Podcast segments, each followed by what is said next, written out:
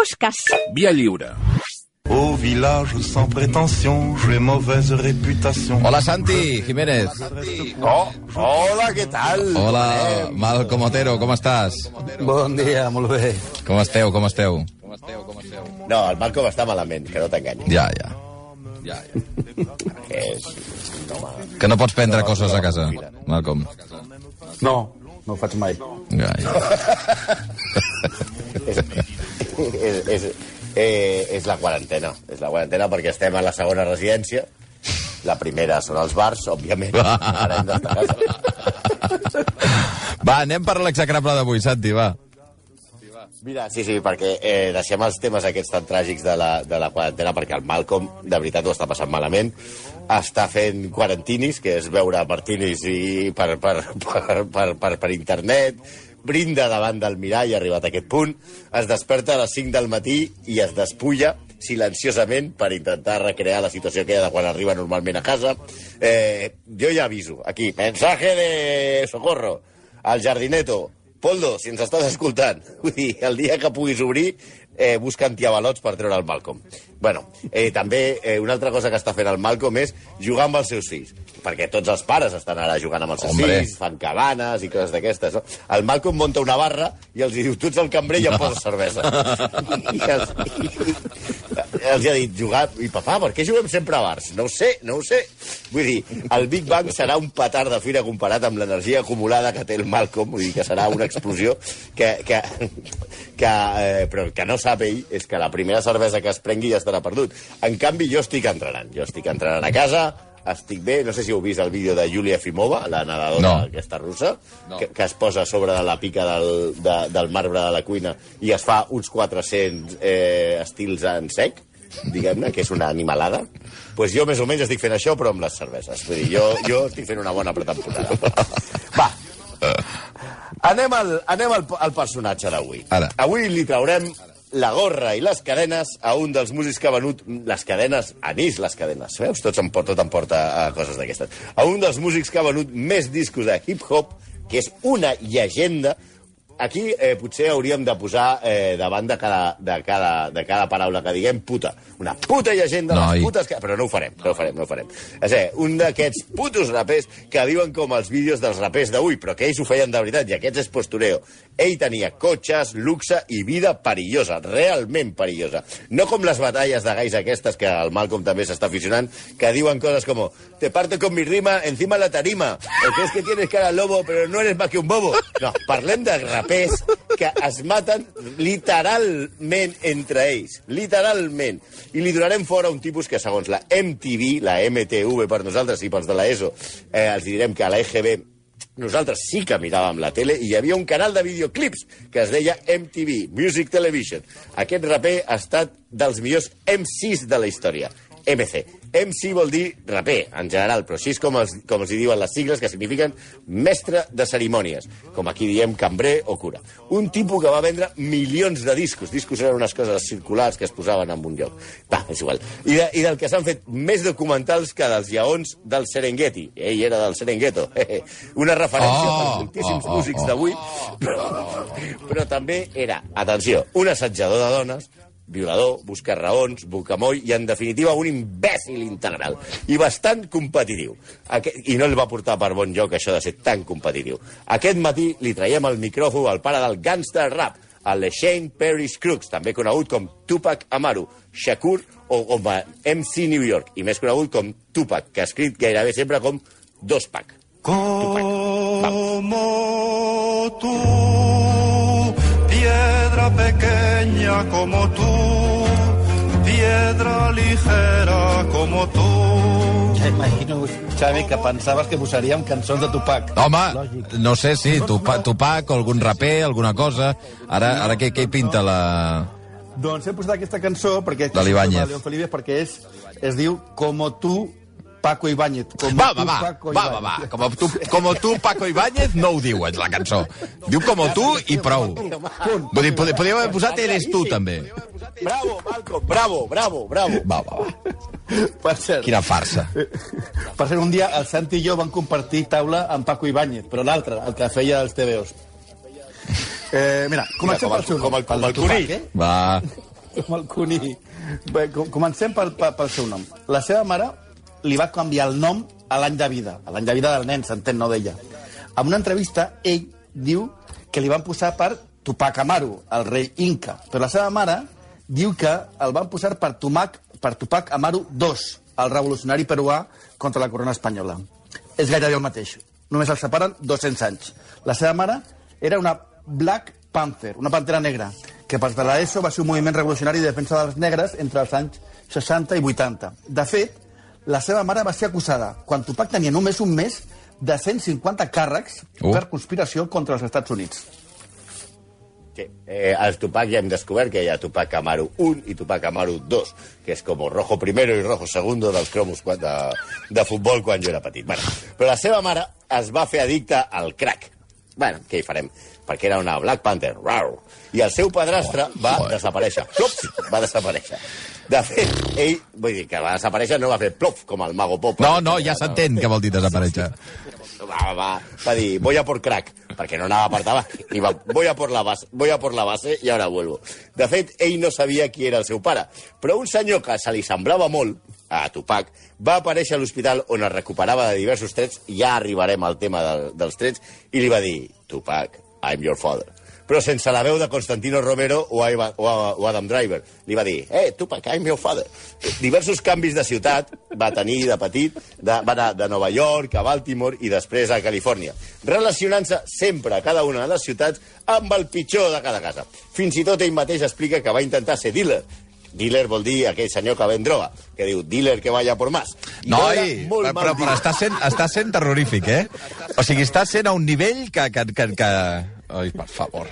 Per això es diuen dealer. Dealer que vaya por más. Sí, sí. I ho va haver de deixar. A, a les dues setmanes, el tio entra de dealer i el fan fora a les dues setmanes. Sona a mentida total, perquè hi ha negocis que no fallen mai. Aquest és un.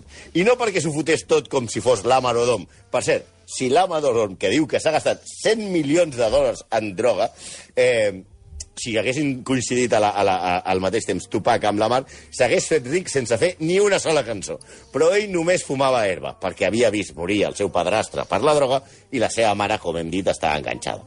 Segons ell mateix, de petit era un noi molt tímid, encara que envoltat de una infància envoltat de camells, proxenetes i altres delinqüents, entre ells bastants assassins. Segons la seva versió, eh, eh, entenem que molt tímid és normal. Si tu vius rodejat de- d'assassins, pues, també intentes no donar massa la nota.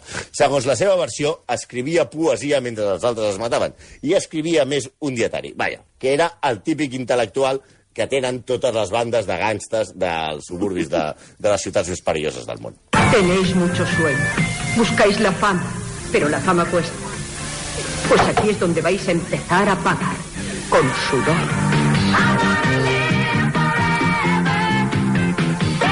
Queda molt bé, eh, per parlar de Tupac, la cançó... Oh, mira'l, el. Saluda el de part nostra. Sí, sí. Sí, m'agrada molt aquesta cançó. Sí, sí, sí. Perquè aquesta cançó, aquesta capçalera, que és la de fama, ja sabeu, Leroy, Leroy Johnson, Dani Amatulo, una, una de les coses que es muntava unes festes de les que m'agraden a mi, bueno, part de l'ESO era com un pedans, però amb malles més ajustades i escalfadors, i sense la germana de Penélope Cruz, i a Nova York, clar. I això a què ve? Ah. Doncs el fet que, efectivament, li agradava l'art perquè va ser alumne del Baltimore School for the Arts, que era com el de fama, però sense l'heroi. Però de moment no ha fet res dolent. Fa de ballarí i algun cor amb un grup molt, molt, molt dolent que es deia Digital Underground. Ell vol triomfar i es llança en solitari. El seu nom era MC New York, que no era pretensiós, no. Ja et col·loques com el MC de la ciutat que va veure néixer el rap. És com dir-te, no sé, cantores de Hispalis. Two packs of cigarettes. God is gonna lead to his heart attack. Twelve pack of more. I estem aconseguint no posar res d'aquest raper. Però això què és, ara? Aquesta cançó, com podeu... Two Packs of Cigarettes, Va. del gran grup de Lies Again and the Roasty Silos, que és un grup folk americà que vindria a ser com el Quico, el Celio, el Noi i el Mut de Ferreries, però d'allà, dels Estats Units.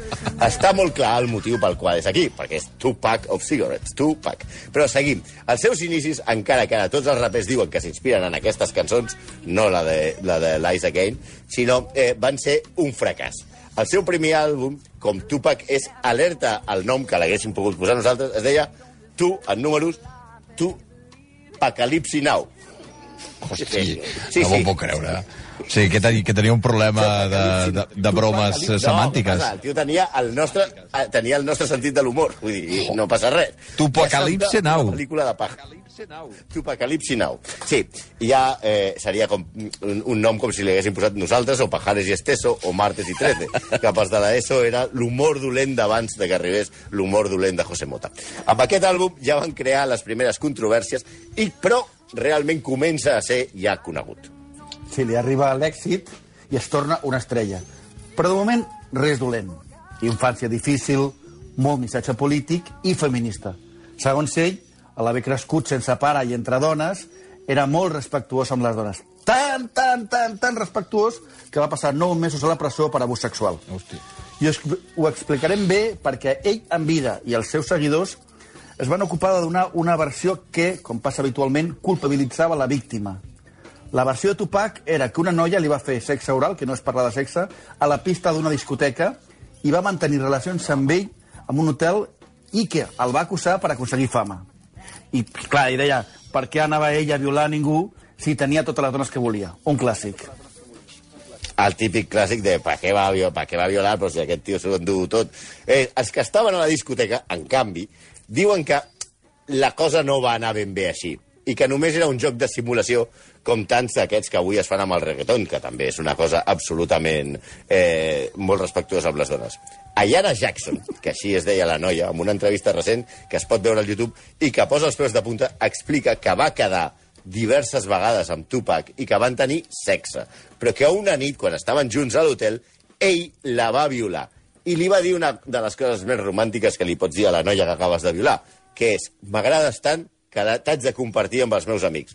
I va entrar els seus amics i també la van No, violar. no fotis. Sí, el, el jutge que, que el va condemnar per, obro cita, un acte de violència brutal contra una dona indefensa, tanco cita, eh, va dir això. Va estar nou mesos a la presó, de la qual va sortir perquè una discogràfica va pagar el milió i mig de fiança a canvi de tres àlbums. Va recórrer i a la fi no el van acusar de tots els càrrecs, només d'abús, i el van exonerar de portar d'altres càrrecs com tenir una arma il·legal aquell dia i sodomia forçada. Però no és la seva única topada amb la justícia, la veritat.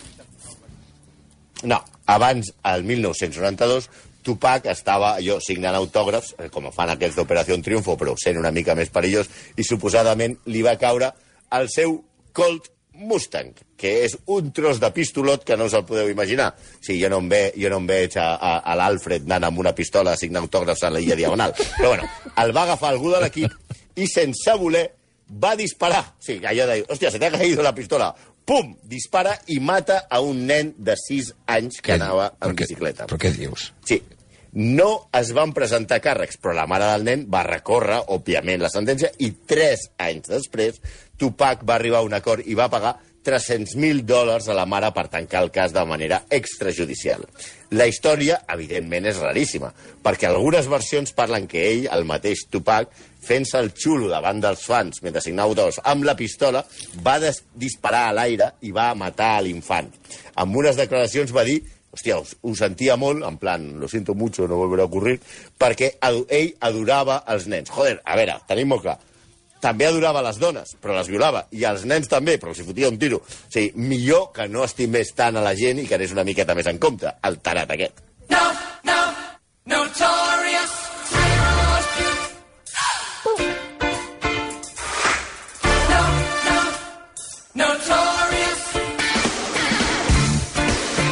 aquesta, aquesta cançó sí que té a veure, a part que jo estic veient aquí el, el, el, a casa meva com si fos el jardineto, Et puc imaginar. ja veuràs que sí, sí que té a veure. La cosa segueix amb pistoles i bandes. A veure, hi havia dos segells discogràfics que es disputaven al mercat del rap.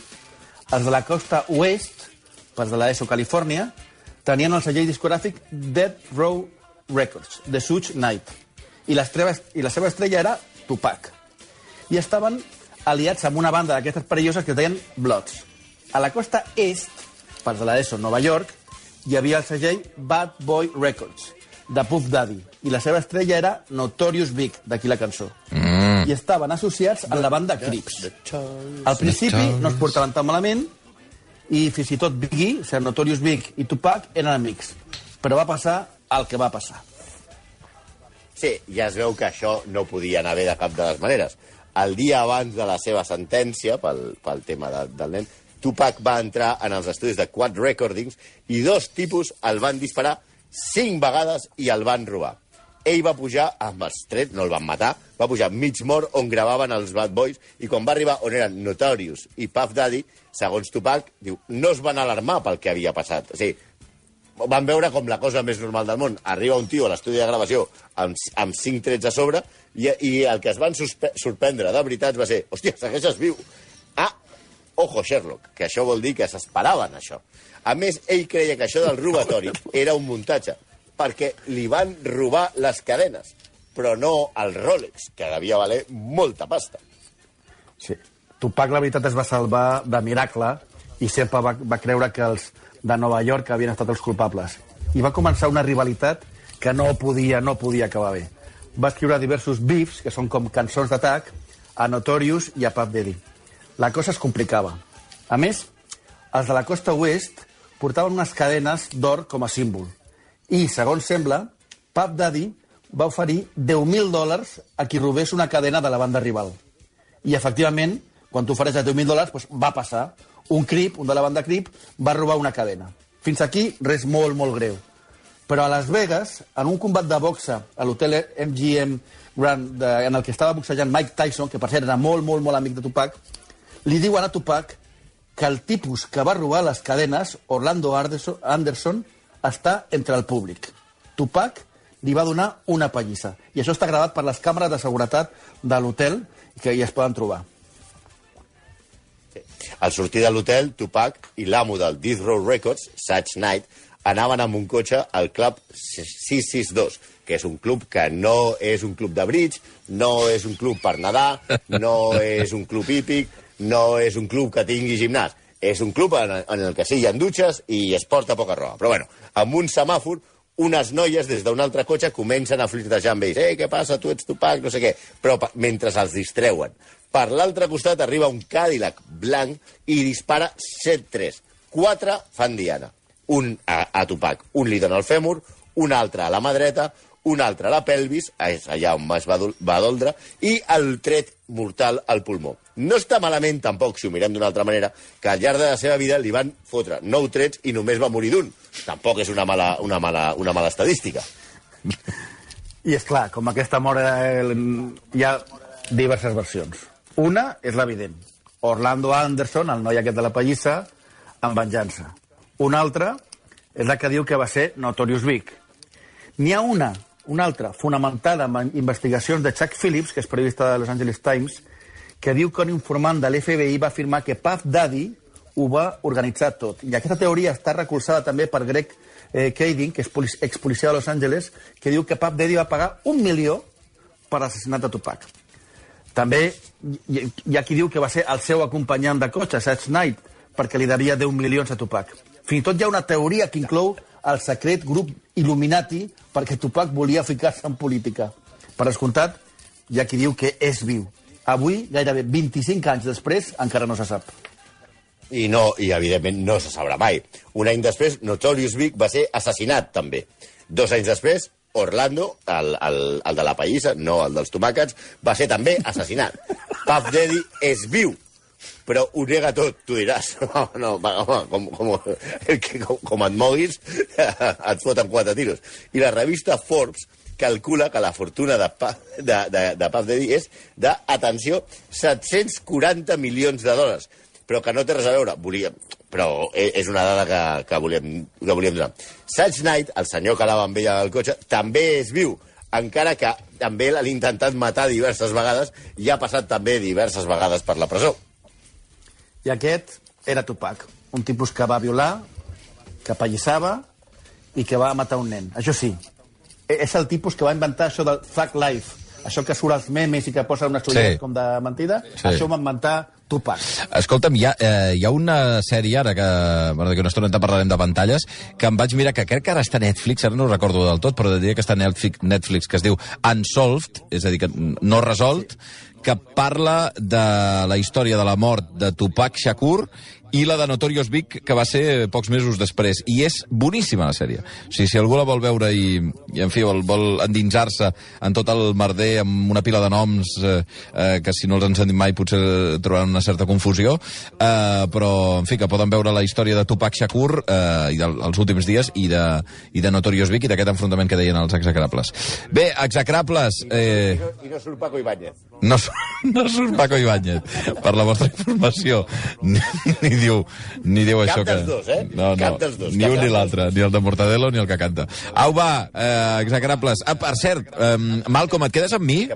Sí, sí, em quedo, em quedo. Vale, et quedes una estoneta a la ràdio perquè de seguida parlarem de Sant Jordi i dels efectes que té sobre la indústria del llibre.